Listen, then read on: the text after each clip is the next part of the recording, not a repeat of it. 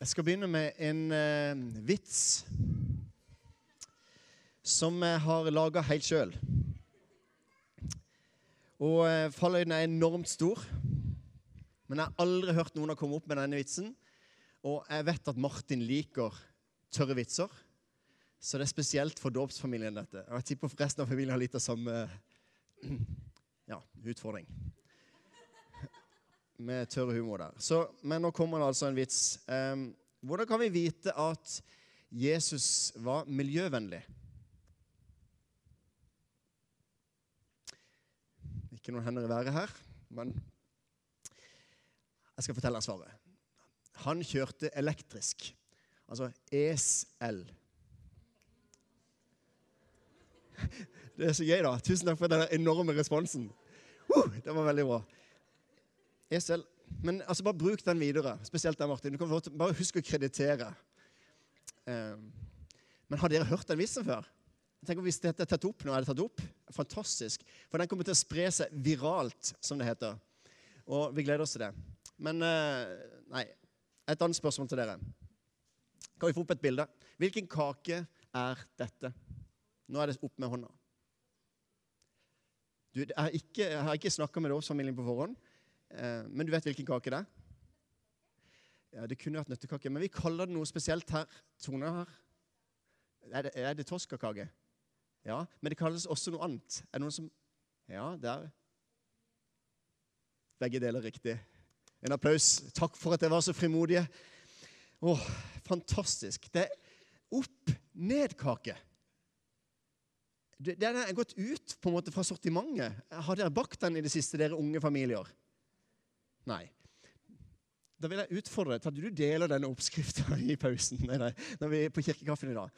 At vi kan få lov til å dele denne hemmeligheten opp-ned-kake. Um, vi skal også få lov til å se et par andre bilder. Uh, et opp-ned-hus. Uh, ikke like praktisk, men, men opp-ned. Og så har vi også en opp-ned-tre. på en måte. Det, det, er kult. Det er kunst, er det ikke det? Det snur liksom opp-ned på tankegangen. Og nettopp dette med opp-ned har jeg lyst til å sette fokus på nå. Jesus er nemlig en person som snur opp-ned på de fleste situasjoner, og som på en måte bare snur opp-ned på livene til mennesker. Som har alltid en annen måte å tenke på. Man kan tenke at ja, her, Hva skal Jesus svare i den situasjonen? Han svarer ikke det vi tror han skal svare. Han snur opp ned på situasjonen. Så hvis dere ikke husker noe annet fra den talen, så husk opp ned-kaka. Og at det er Jesus i kake. Jeg tror Jesus ville elske toskakake. For han elsker toskene. Det var skikkelig dårlig. Er det mulig? Ja. Vi har Uff. Jeg får bare be dere som syns dette var veldig dårlig, så får vi håpe at det kan bli bedre etter hvert. Men men bergprekenen, Matteus 5-7, eller 5, kapittel 5-7, det er en sånn opp-ned-tale.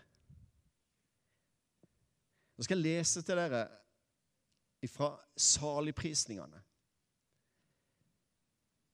Fra vers Ja, du kan egentlig lese, for det, det som er interessant, at Matteus evangeliet, som vi skal ta for oss nå, det er egentlig bygd opp på fem store taler. Og Det som er interessant, er at det knytter an til Moses, som også hadde fem Mosebøker. Og så blir det på en måte en sammenligning, egentlig. For det at Moses blir eller Jesus blir sammenligna med Moses i Matteusevangeliet.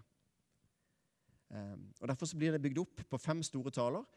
Og denne talen her, bergpreken, eller Matteus 5-7, er en lang, sammenhengende tale som er så utrolig mektig, og som er så radikal, og som er så utfordrende at jeg vil sterkt anbefale dere å ikke lese den.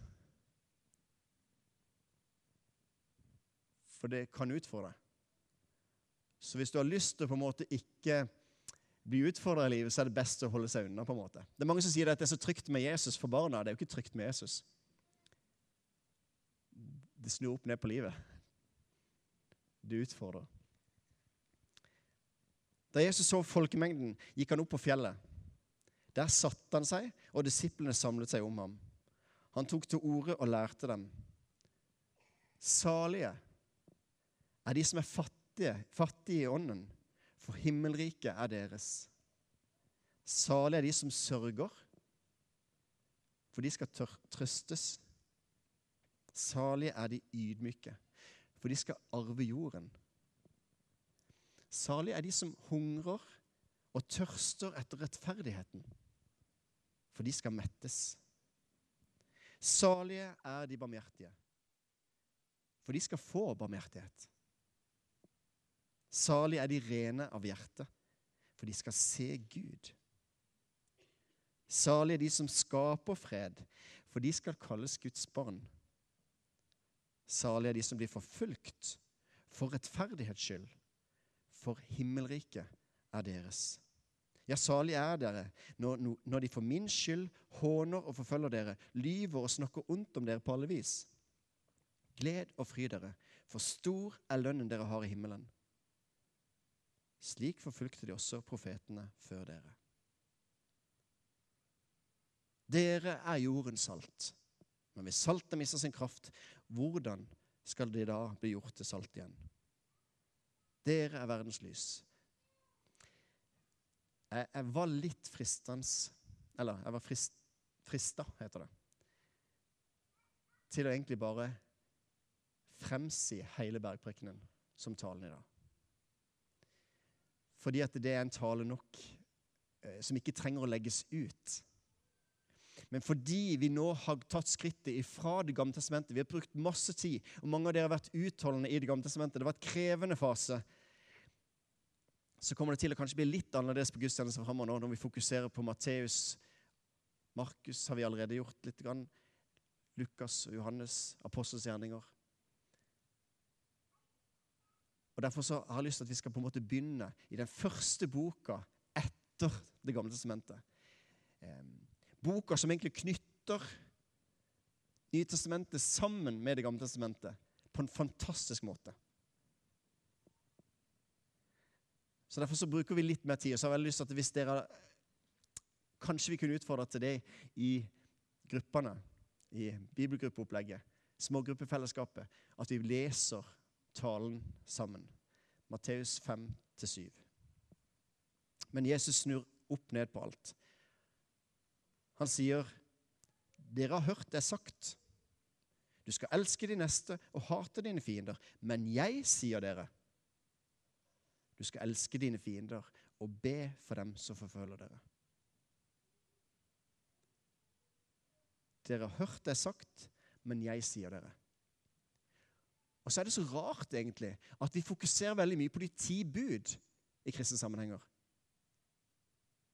Men vi må egentlig konsentrere oss mye mer om, om Jesus sine bud. Det er jo de vi skal forholde oss til. Fordi det er én ting at det, det å begå, ekteskapsbrudd er galt. Men Jesus kommer og på en måte kjører det enda lenger og så sier det at den som tenker på eller ser på noen og begjærer, har allerede begått ekteskapsbrudd. Så på en måte tenker jeg, Skal ikke Jesus komme med masse nåde, og sånn at det er mulig å komme til Gud? Nei, han bare, senker, han bare hever den der terskelen enda mer, og så er det sånn at du har ikke sjans. Og så Kanskje noe av hensikten med Matteus 5-7 er å fortelle at du har ikke nubbesjans. Hvis du trodde du klarte de ti bud, så kommer bare Jesus og strekker lista enda høyere. Og så ser vi alle sammen at vi har ikke sjans. Men hvem kan da komme til himmelen? Hvem kan da komme til tro? Det handler jo ikke om oss. Det handler om at Gud kommer ned og har levd livet for oss. Vi trenger å se at vi trenger Guds nåde. Så Gud viser bl.a. i Matteus at vi har ikke sjans. Hvem kan da bli frelst? De som tror at Gud kan.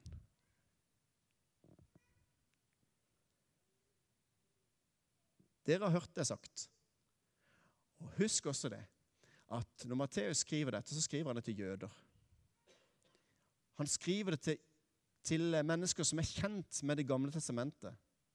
Og Når vi da skal lese for Matteus, så må vi først bli kjent med Det gamle testamentet for å kunne forstå helt hva han leser, ikke sant? eller hva han, hva han prøver å fortelle.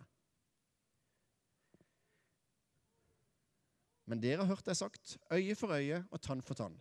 Men jeg sier dere, sett dere ikke til motverge mot den som gjør ondt mot dere. Om noen slår deg på høyre kinn, så vend også det andre til. Dere har hørt det sagt, du skal elske din neste og hate din fiende. Men jeg sier dere, elsk deres fiender. Velsign den som forbanner dere, gjør godt mot den som hater dere, og be for dem som mishandler dere og forfølger dere. Slik kan dere være barn av deres far i himmelen. For han lar sin sol gå opp over onde og gode, og lar det regne over rettferdige og urettferdige. Om dere elsker dem som elsker dere Dette er litt for konkret, så bare hold for ørene hvis dere ikke ønsker det. Om dere elsker dem som elsker dere, er det noe å lønne dere for? Gjør ikke tollerne det samme? Altså Det handler ikke om tollerne nede på kaia her nede. Det handler om de tollerne som hadde svikta sitt eget folk og spilte på lag, på lag med romerske okkupasjonsmakter. Landssvikerne, på en måte. Men de også elsker jo hverandre. De sier jo hei til hverandre. De har jo et godt fellesskap. Hva spesielt er det å si hei til de som sier hei tilbake igjen til deg? Hva spesielt er det å gi julegave til noen når du vet at du får julegave tilbake? Det som er spesielt, er å gi den gaven som ikke du vet du kan få i retur. Om dere elsker den som elsker dere, er det noe å lønne det for? Gjør ikke tollerne det samme? Og om dere hilser vennlig på deres egne, er det noe storartet? Gjør ikke hedningene det samme? Vær da fullkomne, slik som deres himmelske Far er fullkommen. Gud elsker de som ikke fortjener å bli elska. Meg, blant annet. Og Derfor så utfordrer han meg til å leve på samme måte i møte med mennesker som kanskje ikke fortjener å bli elska. Jeg har ikke noen fiender direkte, men det er noen som jeg tenker at de kanskje Jeg trenger ikke bruke så mye tid på dem. Jeg synes at de, de har ødelagt for meg i en situasjon. eller et sånt. Det kan være noen, ting, noen personer som ikke fortjener å bli elska. Og så blir jeg utfordra til å elske, ikke fordi at de er elskverdige, men fordi han er motivasjonen. Gud er motivasjonen for å elske. Fordi han har elska meg først, så skylder jeg å elske. Og det er så rått og utrolig stort å få lov til å gå med den kjærligheten som jeg er blitt møtt med, og gi den videre. Og Dette trekker Matteus fram i flere anledninger. I Matteus 20 for eksempel, så kommer han med en sånn som bare bryter med all syn på hva rettferdighet er. Det er sånn at det er snakk om vingården, det er snakk om at du skal hente arbeidere. Og så går han og henter arbeidere på, på ulike tidspunkt i løpet av dagen. Og Så blir han enig med deg at én denar så skal du arbeide i vingården min. Altså én denar, én dagslønn. Og da får de på en måte denne eh, Ja, det, det, er avtalen. Men så går han og henter arbeidere utover hele dagen, og det er den ellevte time, helt på slutten av dagen. Så er det noen som kommer, og de arbeider bare én time. Når de da skal få lønna si, så kommer de fram, og han gir de som kom først, én denar. Nei, unnskyld. De som kom sist, de gir han én dinar. En dagslønn. De som bare jobber én time. Hvilken rettferdighet er det? Spesielt så kommer det fram når de som har jobba hele dagen og båret denne dagen her og svetta seg gjennom hele dagen For når de kommer fram til denne vingårdsmannen, så får de samme betaling som de som bare hadde arbeidet én time. Én denar, én dagslønn. Og så blir de sinte. De hadde forventa for mer, siden de som bare hadde arbeidet én time, fikk det som de hadde fått avtalt. Og så anklager de på en måte denne herren. da. Og det er da det er interessant å se. Når denne mannen sier 'anklager du meg fordi jeg er god', kan ikke jeg gjøre med det med mitt på den måten som jeg ønsker å gjøre det? Um, ble ikke vi enige om én denar?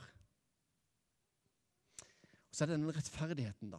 For vi begynner å tenke at vi har jobba masse gjennom hele denne dagen. Og så er det noen som kommer i siste liten, og så får de akkurat samme gave som jeg, som har stått på hele livet.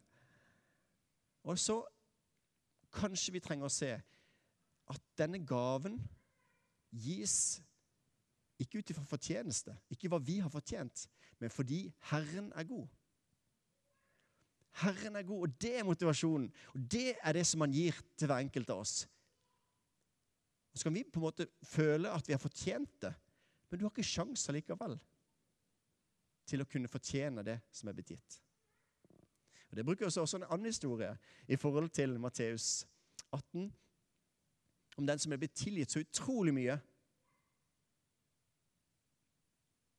Og når han går ut og møter sine venner, så på en måte krever han en liten sum i forhold til det som han sjøl hadde blitt ettergitt av gjeld. Og Da sier egentlig denne herren at hvordan kan ikke, hvordan kan ikke du ettergi gjelden, den lille gjelden du er ettergitt, siden jeg har ettergitt deg så mye? Hvorfor kan ikke du tilgi din neste, siden du er blitt tilgitt så enormt mye?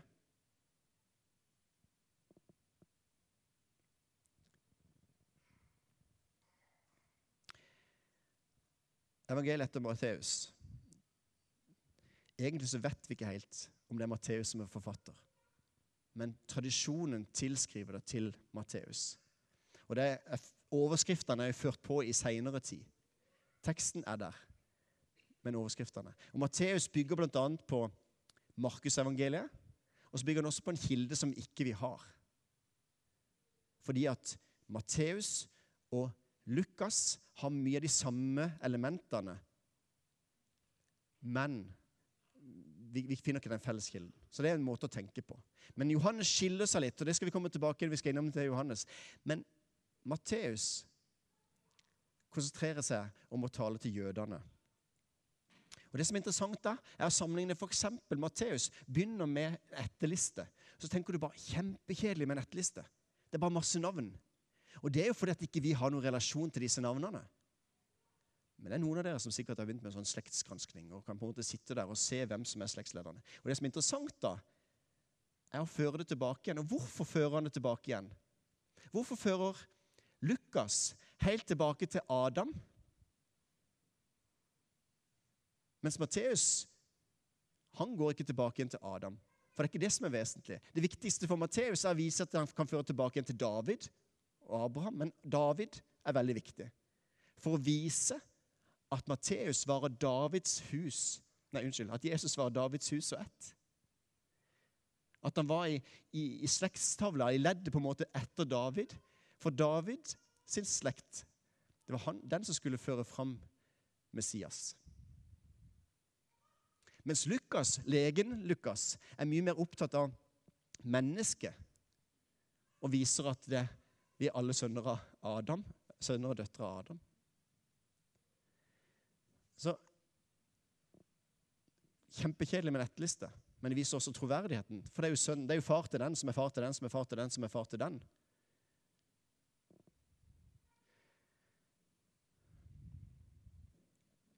Og så viser Matteus utrolig mange ganger Jeg skal ikke gå inn på det nå, men jeg skal bare si det utrolig kjapt. Um, han peker tilbake inn på det. Dette skjedde for at det Herren har talt gjennom profeten, skulle oppfylles. Prikk, prikk, prikk.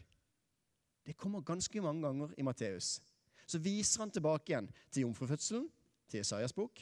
Betlehem, at Jesus skulle bli født i Betlehem, til Mika 5, som vi også har i julegudstjenesten. At at Messias skulle komme fra Egypt, Egypt som tilfluktssted, som vi kan lese i Hosea. Barnemordet som skjedde i Betlehem, som det så skrevet i Jeremia 31. Nasaret som gjensted, Jesaja 11. Så peker han tilbake igjen hele tida og viser disse profetiene som er sagt. som er sånn, Sånn kommer Messias til å være. Eller noe sånn frampek. Inntog Jerusalem, f.eks. Zakaria 9,9. Så Matteus er opptatt av å vise at Gammeltestamentet og Nytestamentet henger sammen.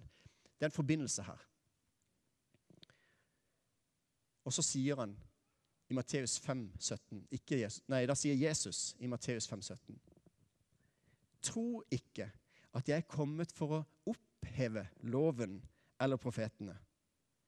Jeg er ikke kommet for å oppheve, men for å oppfylle. Der kommer nøkkelen ikke vi har sjanse til å opp, eller for, klare loven, på en måte, når ikke vi har sjanse til å leve etter loven, så kan vi tenke at Jesus har oppfylt loven. Ved at jeg tror på Jesus, så oppfyller jeg hele loven.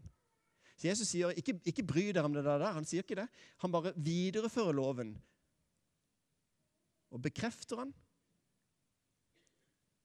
men oppfyller han. Jeg er så takknemlig for at Jesus har levd livet for meg.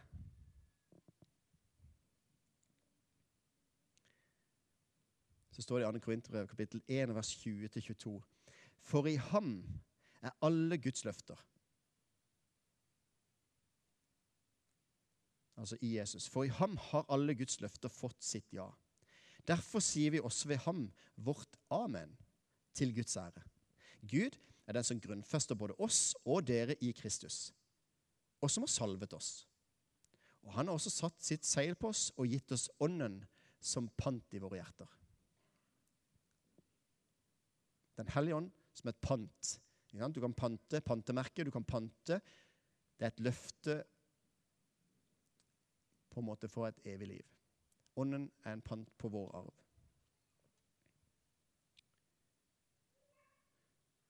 Så allerede i innledningen til evangeliet, kapittel 1 og vers 1, så slår det fast at Jesus er av Davids slekt, en Davids sønn. Og så står det at han er Kristus. Og Kristus er det samme ordet på gresk som på hebraisk er Messias. Så når vi sier Jesus Kristus, er det ikke Jesus fornavnet, Kristus etternavnet, men det er Jesus den salvede. Kristus Messias. Og Jødene vet de venter på Messias, og de venter fremdeles på Messias. Men Derfor er det viktig for Matteus å vise at Jesus var den som de hadde venta på.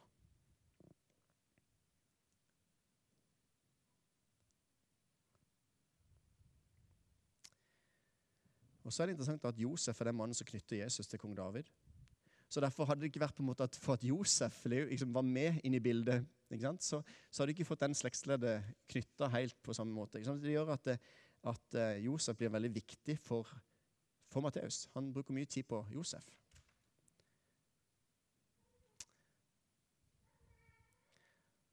Siste punkt. I Matteus kapittel 1 så står det også at se, jomfruen skal bli med barn og føde en sønn og de skal gi ham navnet Immanuel. Det betyr Gud med oss. Som også en profeti, skrevet som, som, som Matteus tar opp igjen og bekrefter.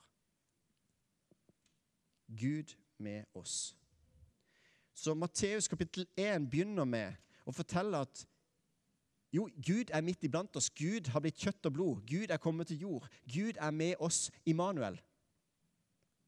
Og så avsluttes det i Matteus 28, i misjonsbefalinga, som vi også leste i dåpen, som en dåpsbefaling. I Matteus 28. Og se, jeg er med dere alle dager inntil verdens ende. Så jeg håper dere hører Immanuel, Gud med oss, som har profeti i Det gamle testamentet. Jeg håper dere hører den i Og se, jeg er med dere alle dager inntil verdens ende. Gud med oss. Gud bor i oss, Gud går med oss. Gud er der vi er.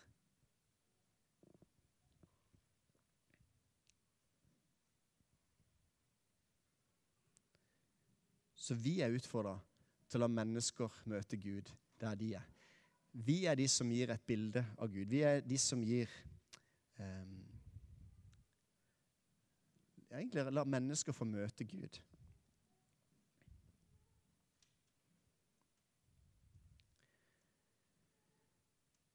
Salige er de som er fattige i ånden. Vi lever i velstand, vi har makt, vi har innflytelse. Men kan det være at vi er fattige i ånden?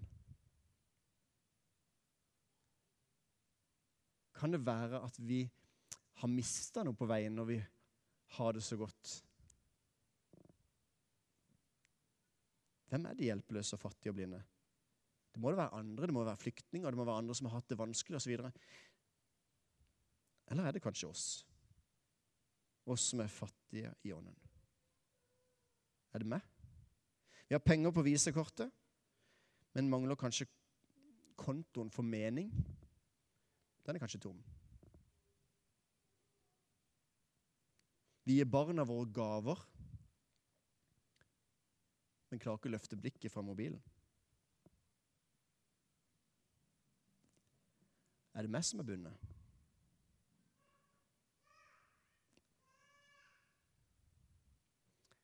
Vi kan se behovene rundt oss, men vi kan kanskje lukke hjertets øyne.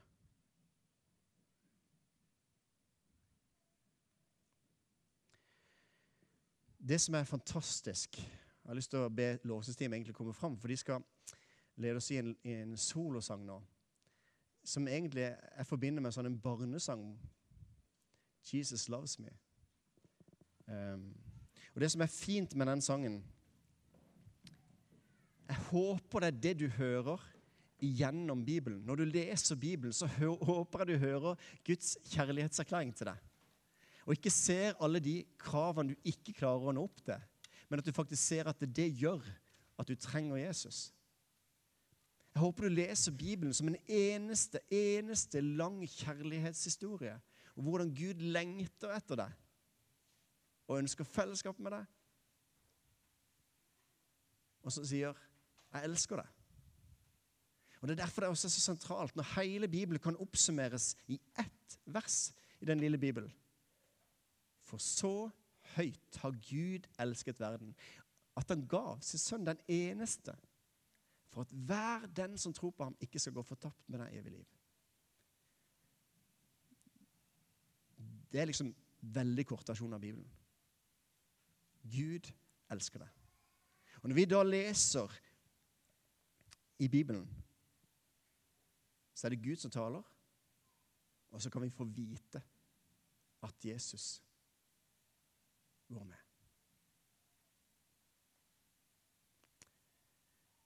Jeg håper virkelig at du har sett det. Og så har jeg lyst til å utfordre deg, Hvis du trenger å møtes med nåde, kjenner at det har vært mange krav i det siste som gjør at du tynges ned på at du bare kjenner at jeg orker ikke dette her mer, så kan du få lov til å bli båret av nådearmer. Og så kan du få lov til å hvile i nåden. Det trenger vi å gjøre igjen og igjen. Vi trenger å ta opp korset og så skjønne at vi sjøl skal dø for at vi skal leve sammen med Jesus. Så eh, vi har lyst til å utfordre til forbønn. Der borte så er det mulighet for å komme til forbønn. Og Da kan du bli lagt en hånd på, og så kan vi bli bedt, altså bedt om velsignelse. Du kan få lov til å legge av noen av de tingene som tynger deg. Og vit at Jesus har gjort alt ferdig for deg. Les Bibelen som at 'Jeg elsker deg'. Jesus sier 'Jeg elsker deg'. Gud sier 'Jeg elsker deg'. Amen.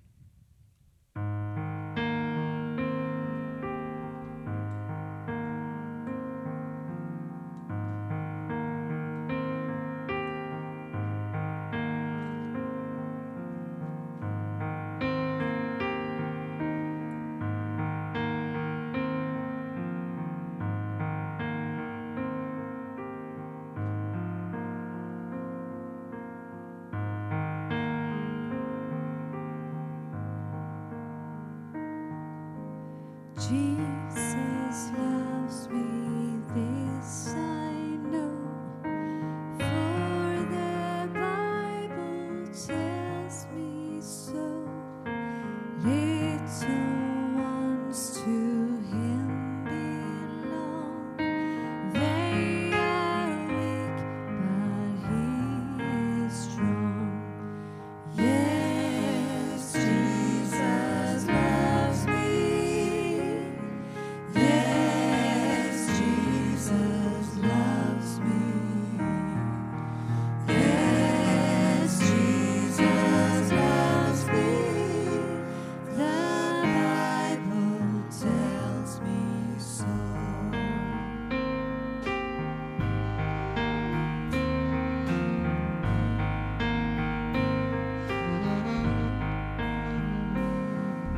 Jesus loves me.